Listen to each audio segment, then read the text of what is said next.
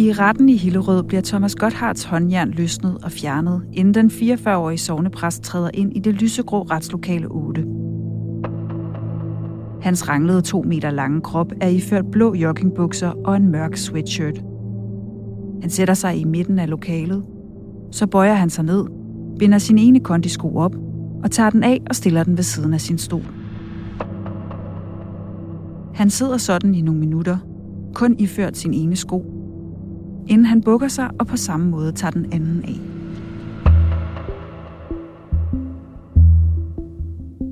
I samme øjeblik træder dommeren ind i lokalet, og retsmødet kan begynde.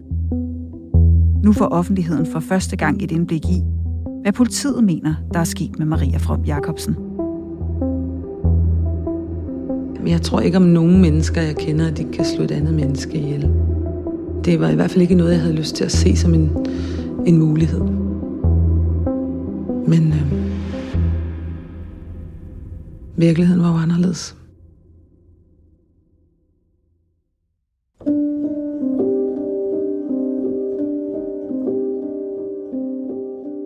Du lytter til andet afsnit af Præsten fra Helvede. En podcastserie om mordet på Maria From Jacobsen. En mor til to, der endte som offer for et brutalt drab. Under et tæt røgslør af løgne lykkedes det hendes mand, Thomas Gotthard, at føre politiet og Marias nærmeste bag lyset. Først tre uger efter, at hans hustru forsvandt, rettede politiet mistanken mod sovnepræsten. Det hele er jo et sumarum for både politi og civilforsvar. Det hele er jo lige pludselig derude. Som du hørte i afsnit 1, blev huset i Frederikssund afspærret, og Thomas Gotthard anholdt. De siger ikke noget. Han som sagt, de hvide mænd kommer der kl. 11. Det var her, vi slap historien sidst, inden grundlovsforhøret den 16. november 2020. Mit navn er Camilla Marie Nielsen. Jeg er kriminalreporter på Ekstrabladet. Og med til at fortælle historien om drabet på Maria From Jacobsen, har jeg mine to kolleger, Christina Ehrenschøl og Mette Pedersen.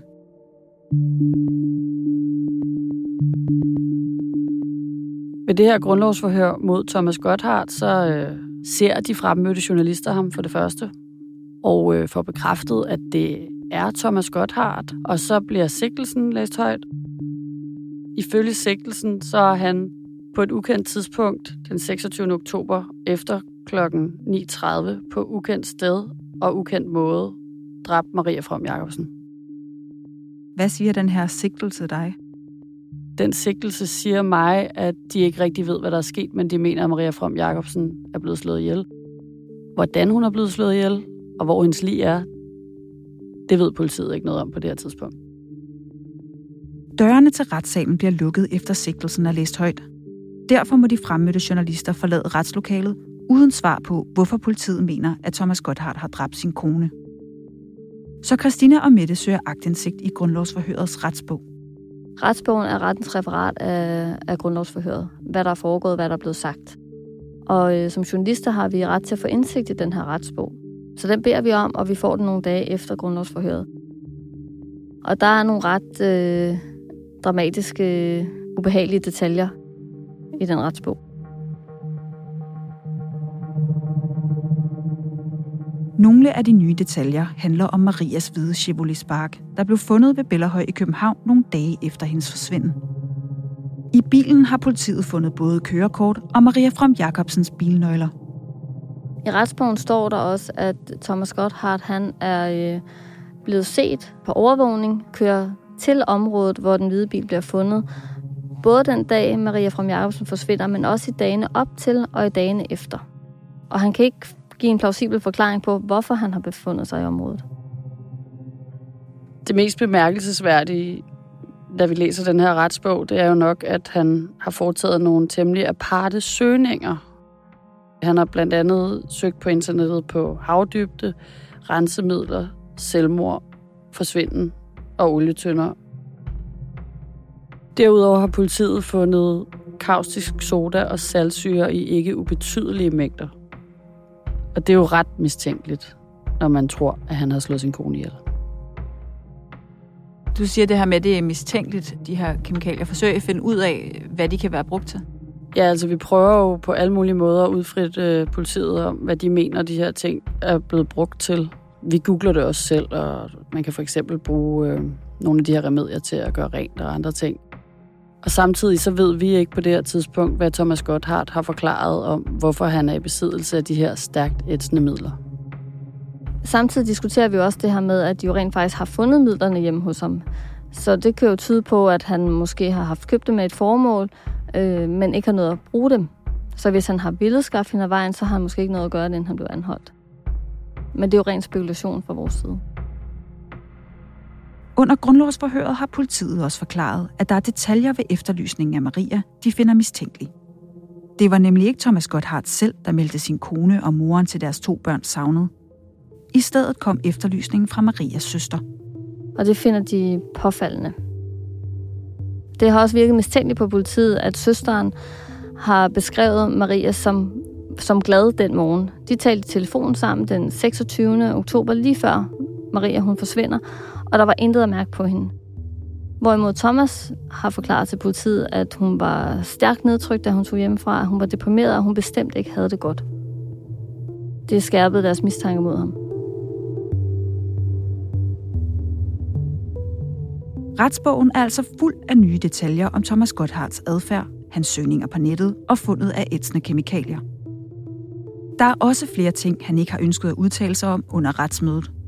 Det er han som sigtet i sin gode ret til, men den begrundelse, han kommer med, er Mette og Christina aldrig stødt på før. Der er nogle ting, som Thomas Gotthard han ikke ønsker at udtale sig om under grundlovsforhøret, og øhm, det stusser vi rimelig meget over, fordi øhm, han henviser til danske lovs bestemmelse om præsters særlige tavshedspligt for at undgå at udtale sig. Den her særlige tavshedspligt, som man henviser til, det er noget, der er nedfældet i danske lov fra 1683. Og det er en lov, som beskriver, at præster de må ikke røbe information fra de her sjælesorgssamtaler, altså fortrolige samtaler med sovnebørn. Groft sagt så betyder det, at man kan betro et mor til en præst, og så må han faktisk ikke sige det videre. Tavshedspligten der bortfalder, hvis præsten får at vide, at der er planer om at begå et drab. Og det gør den så selvfølgelig også, hvis øh, præsten selv er sigtet for en alvorlig forbrydelse. Og det bemærker retten faktisk også i, øh, under grundlovsforhøret, at den jo ikke gælder, men at han alligevel ikke vil sige noget. Og at han så i øvrigt heller ikke vil sige, hvorfor han ikke vil sige noget. Det, at han henviser til en lov, som er sat i verden for, at man kan regne med sin præsts fortrolighed, det får os til at tænke på, om han i virkeligheden dækker over nogle andre. Og det øh, spørger vi også politiet om, men øh, umiddelbart så leder det ikke til, at de har mistanken rettet mod andre end ham, og de har heller ikke anholdt andre i sagen.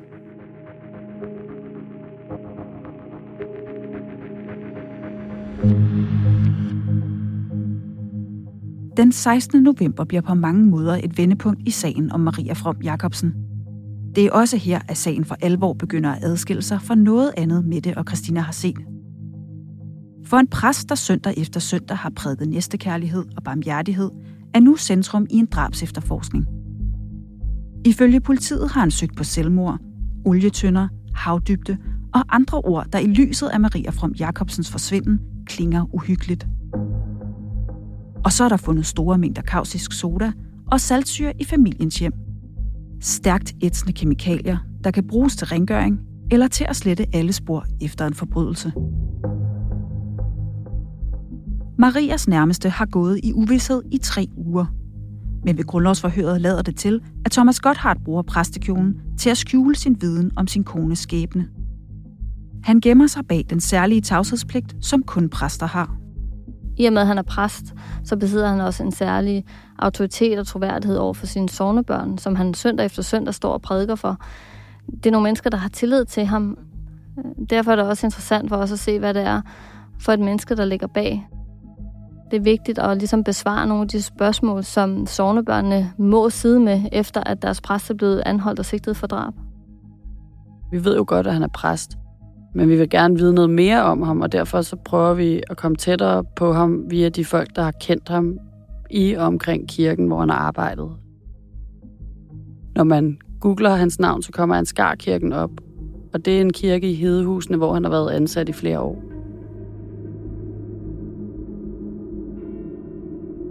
For at forstå, hvem den tavse sigtede sovnepræst er, spoler vi lige tiden tilbage.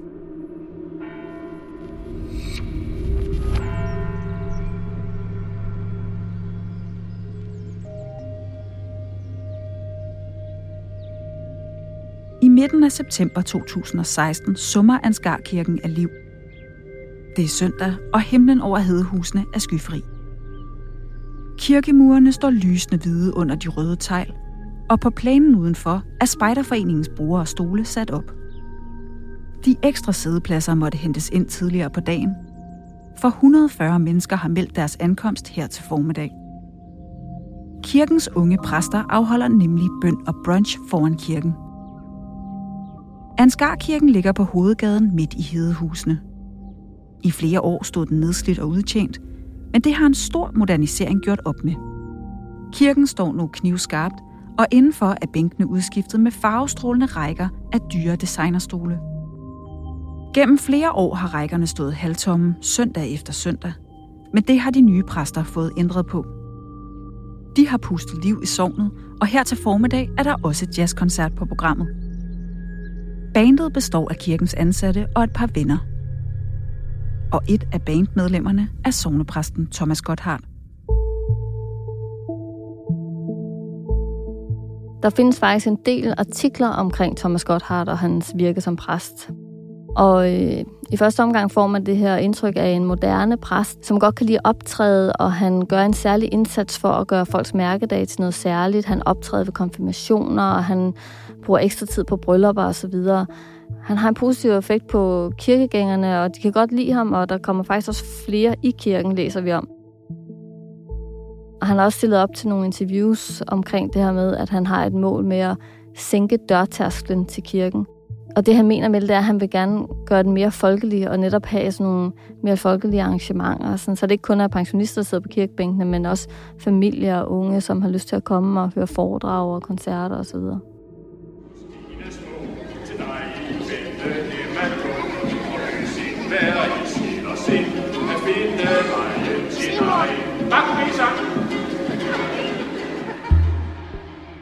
Det lyder jo virkelig som om, at Thomas Gotthardt han har været et stort trækplaster for de kirker, hvor han har været ansat. Men øhm, da vi dykker videre ned, så øh, sætter vi os også for at læse referater fra menighedsrådsmøder. Og her får vi ligesom en forståelse af, at der også har været noget ballade. Vi finder ud af, at Thomas Gotthardt han også har vist en mørk side af sig selv over for nogle af de mennesker, han har arbejdet sammen med i Ansgar-kirken. Og en af dem, som vi får kontakt til, der fortæller en helt anden historie end øh, den om den sjove showman af en præst. Det er en kvinde, der hedder Lonnie. Det var så tydeligt, hvem han manipulerede med, ikke? hvem han havde den der charme for, og hvem han var fuldstændig iskold overfor. Og det var bare sådan uvirkeligt.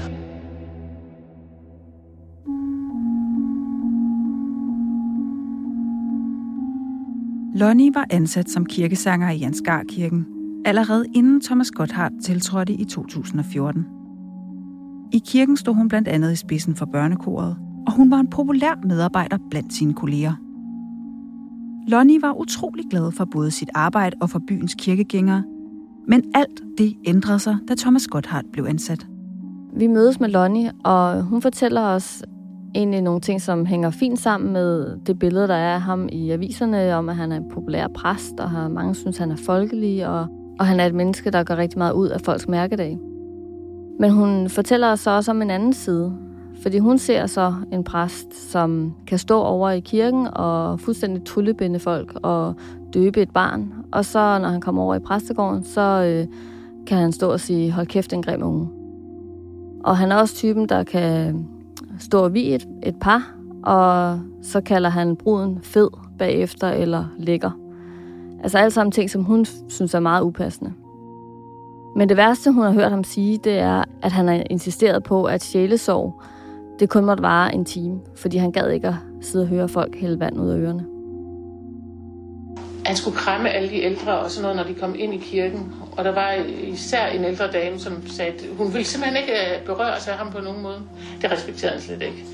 Og en dag var det lykkedes hende at komme ind i kirken, uden han stod derude. Og så bagefter til kirkekaffen, så kommer han bagom og tager øh, omkring hende og siger, der fik jeg dig alligevel. Personligt var det traumatiserende for hende at arbejde sammen med ham i de tre år, de begge to var i Ansgarkirken. Og hun fortæller om ham, at han var meget indsmirrende og nærmest overcharmerende over for nogen, men hvis der var nogen, han ikke brød sig om, så øh, blev han iskold over for dem og behandlede dem som luft. Og sådan endte det også med at blive øh, mellem ham og Lonnie. Hun oplevede det med ham. Altså, det var så uhyggeligt, hvor jeg konfronterede ham med et eller andet. Jeg kan simpelthen ikke huske, hvad det var, men vi stod over i kirken. En af de oplevelser, som virkelig har brændt sig fast, det er, hvor de står over i kirken og har en, et skænderi. Øh, hun øh, konfronterer ham med, at der er en kollega, hun synes, han har behandlet dårligt. Det var fuldstændig mørk. Han fik de der mørke øjne, og han bare kiggede på mig. I stedet for ligesom at modargumentere, så står han bare bumstille og øh, begynder at stige på hende. Og hans øjne bliver fuldstændig mørke. Han sagde ingen lyd, og så vendte han om og gik. Det var simpelthen så uhyggeligt. Jeg var helt gåset ud igen. Hun synes, det er enormt ubehageligt, og hun fortæller i dag, at hun, hun har aldrig oplevet noget lignende. Hun har aldrig set så mørke øjne før, og hun har aldrig øh, oplevet at stå over for et menneske og blive så chokeret.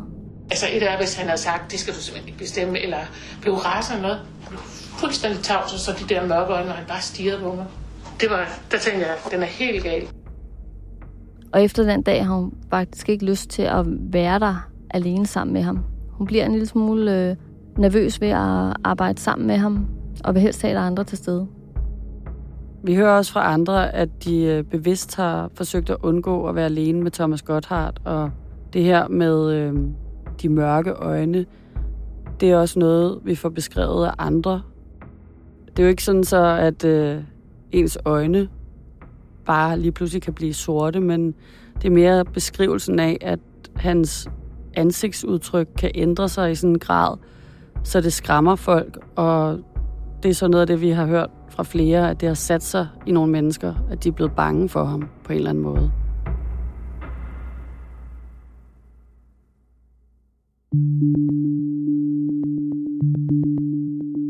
Men øh, selvom at der er nogle mennesker, der fortæller os, at de er blevet skræmt af Thomas Gotthardt, så er det ikke sådan, så de ligefrem har tænkt, at han kunne finde på at slå nogen ihjel, eller han bliver helt sikkert morder en dag.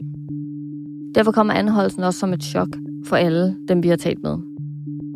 Hans navn står stadigvæk på hans Garkirkens hjemmeside, og han står bare som om han er sygemeldt.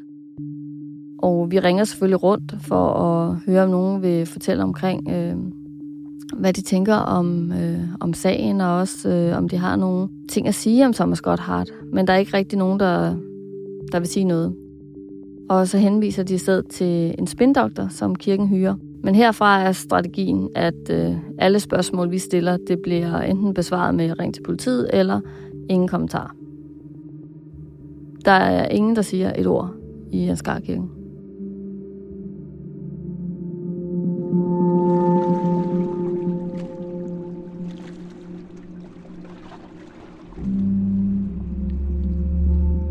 Den 26. november 2020 glider en sort gummibåd langsomt hen over Roskilde Fjord. Vi er i det lille hjørne af fjorden, der grænser op til naturreservatet Selsø. Efterårsluften er mild, og i spidsen af båden står en sort cheferhund og snuser ned mod vandet. To hundefører sidder bagerst, og sammen har de trænet cheferen til at opfange lugten af lig under vand. Lige under vandoverfladen er minørdykkerne i gang med at afsøge fjordbunden. Og Beredskabsstyrelsen er også ankommet til stedet. Fra bredden letter en kameradrone og flyver højt op over området. Hunden, dykkerne og dronen er alle led i den drabs efterforskning, der har til formål at finde Maria From Jacobsen. For selvom Thomas Gotthardt sidder fængslet for drab, er der stadig ingen spor af Maria – Politiet leder stort set alle steder, man overhovedet kan komme i tanke om, at man kan lede. De indevender flere områder af Roskilde Fjord og undersøger skove med nedgravningshunde, som det hedder. I forbindelse med politiets kæmpestore eftersøgning, så stiller vi dem en masse spørgsmål, øh, og får på et tidspunkt bekræftet, at de også leder på krematorier. Vi kan ikke få ud af politiet, hvorfor de leder på krematorier, men når vi spørger dem, så er det selvfølgelig, fordi vi går ud fra, at man som præst har særlig adgang til for eksempel bedemænd og krematorier. I den her tid, især i øh, november, december og nok også januar, der, der har vi også en forventning om, at politiet finder Maria fra Jacobsen lige om lidt.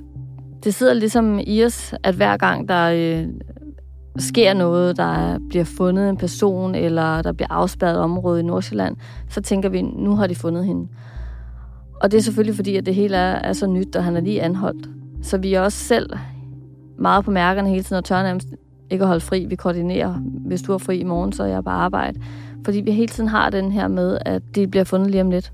Og så sker der et gennembrud, og der vil vi selvfølgelig gerne være, være til stede. Altså, vi kan jo se, at politiet de, øh, er ude og lede massivt efter Maria From Jacobsen. Men øh, det ser også ud som om, at det er ligesom at lede efter en nål i en høstak. Samtidig ved vi, at de sidder med en afgørende detalje, som de ikke kan gå ud med. Og det kan vi jo heller ikke.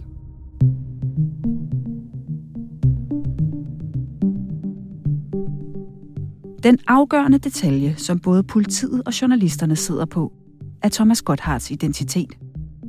Ved grundlovsforhøret fik hans forsvarsadvokat nemlig nedlagt et navneforbud, der afskærer pressen fra at offentliggøre detaljer om hans navn, bopæl og stilling.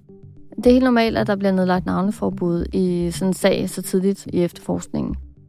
Det bliver gjort netop fordi det er indledende stadie. Han er kun sigtet, og øh, ifølge retten er det en unødvendig krænkelse at gengive hans, hans navn. Ikke mindst fordi han har mindreårige børn.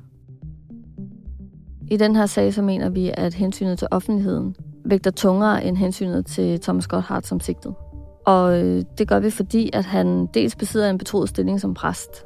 Vi mener, at kirkegængerne i Hedehusene har ret til at vide, hvorfor deres præst ikke står på prædikestolen næste søndag, at det er fordi, han faktisk sidder fængslet i en meget alvorlig sag. Og vi har at gøre med en kvinde, der er forsvundet. Og vi har også at gøre med en sag, hvor politiet sender efterlysninger ud. Blandt andet, hvor de øh, efterlyser vidner, der har set familiens biler. Og det er jo på en eller anden måde absurd, at vi kan bringe billeder af de her biler, hvor man faktisk i hvert fald på den ene kan slå op, at der står gæld i Thomas Gotthards navn. Men vi kan ikke skrive, at den tilhører ham eller har nogen som helst relation til ham. Det er derfor, vi beder om at få navneforbud ophævet, så vi kan skrive hans navn. Men det tillader retten ikke. I sådan en her sag, der handler det jo selvfølgelig ikke kun om, at Ekstrabladet gerne vil vise et billede af en øh, sigtet i en drabsag.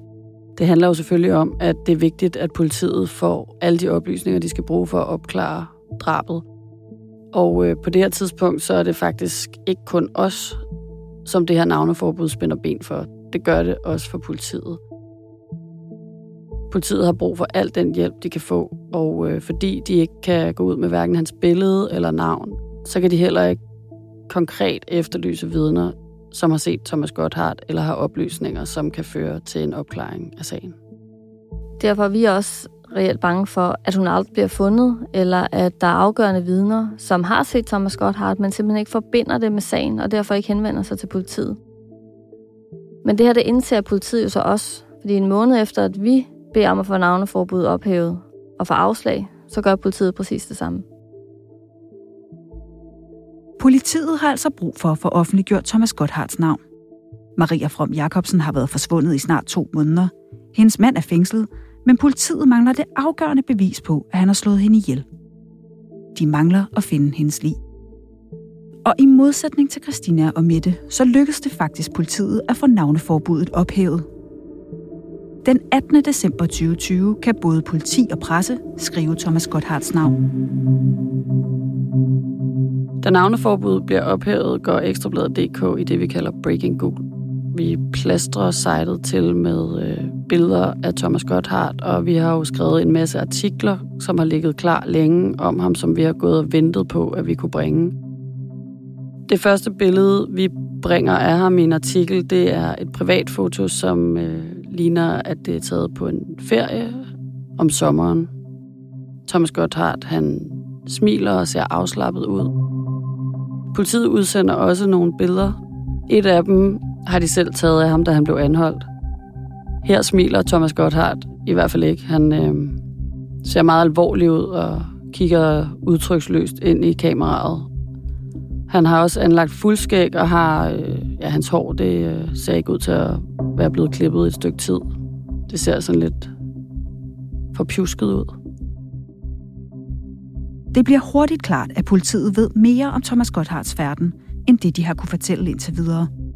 Så ud over billedet de to ved anholdelsen, udsender de også overvågningsbilleder af præsten fra dagene omkring Marias forsvinden. På et af billederne kan man se Thomas Gotthard komme ind på en tankstation, og på et andet besøger han en genbrugsstation. I efterlysningen er der også en beskrivelse af Thomas Gotthard, hvor der står, at han er 202 cm høj, spinkel af bygning, og så pointerer politiet også, at han i løbet af perioden, siden sin husrus forsvinden, har anlagt fuldskæg. Vi ved jo ikke, hvorfor han har anlagt det fuldskæg, men øh, når nu politiet pointerer det, så er det måske også, fordi de tænker, at det er fordi folk skal have svære ved at genkende ham. Politiet efterlyser vidner, der har set ham, og som kan være med til at kortlægge hans adfærd. Både efter Maria forsvandt, men også før.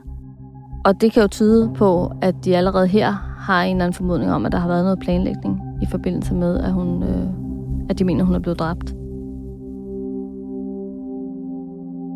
Hvordan sovnepræsten planlagde at slå sin hustru ihjel, kommer til at spille en afgørende rolle senere i sagen. Men allerede få uger efter hans navn og billeder er offentliggjort, løfter politiet lidt af sløret for, hvad der kan være sket med Maria From Jacobsen. Det sker i starten af 2021, da politiet pludselig efterlyser vidner, der har set præsten med en stor blå fodertønde. Der kan være et menneske i. Det er det første, vi tænker. Vi er jo faktisk der, hvor vi begynder sådan virkelig at lægge mærke til tønder, der står rundt omkring. Det, der også er interessant ved efterlysningen, det er jo, at tønden er forsvundet. Ligesom Maria fra Jacobsen er det.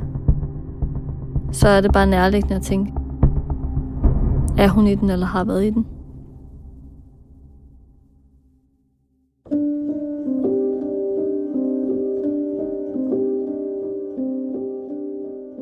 Jagten på Thomas Gotthards blå fodertønde skal du høre mere om i det næste afsnit af Præsten fra Helvede.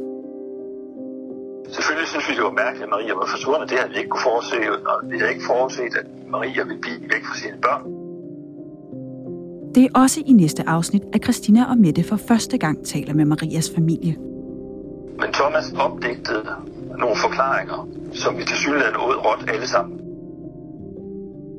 Der var ingen af os, der havde set for os, at øh, det kunne, at, at det kunne være helt anderledes.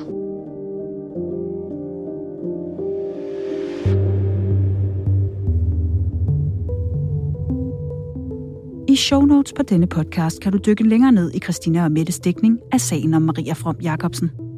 Her kan du blandt andet læse om Marias liv, og om hvordan naboerne på Villavejen i Frederikssund oplevede Thomas Gotthardt efter hans kone var forsvundet. I forbindelse med produktionen af denne podcast har vi forsøgt at række ud til Thomas Gotthardt. Han er ikke vendt tilbage på redaktionens henvendelse.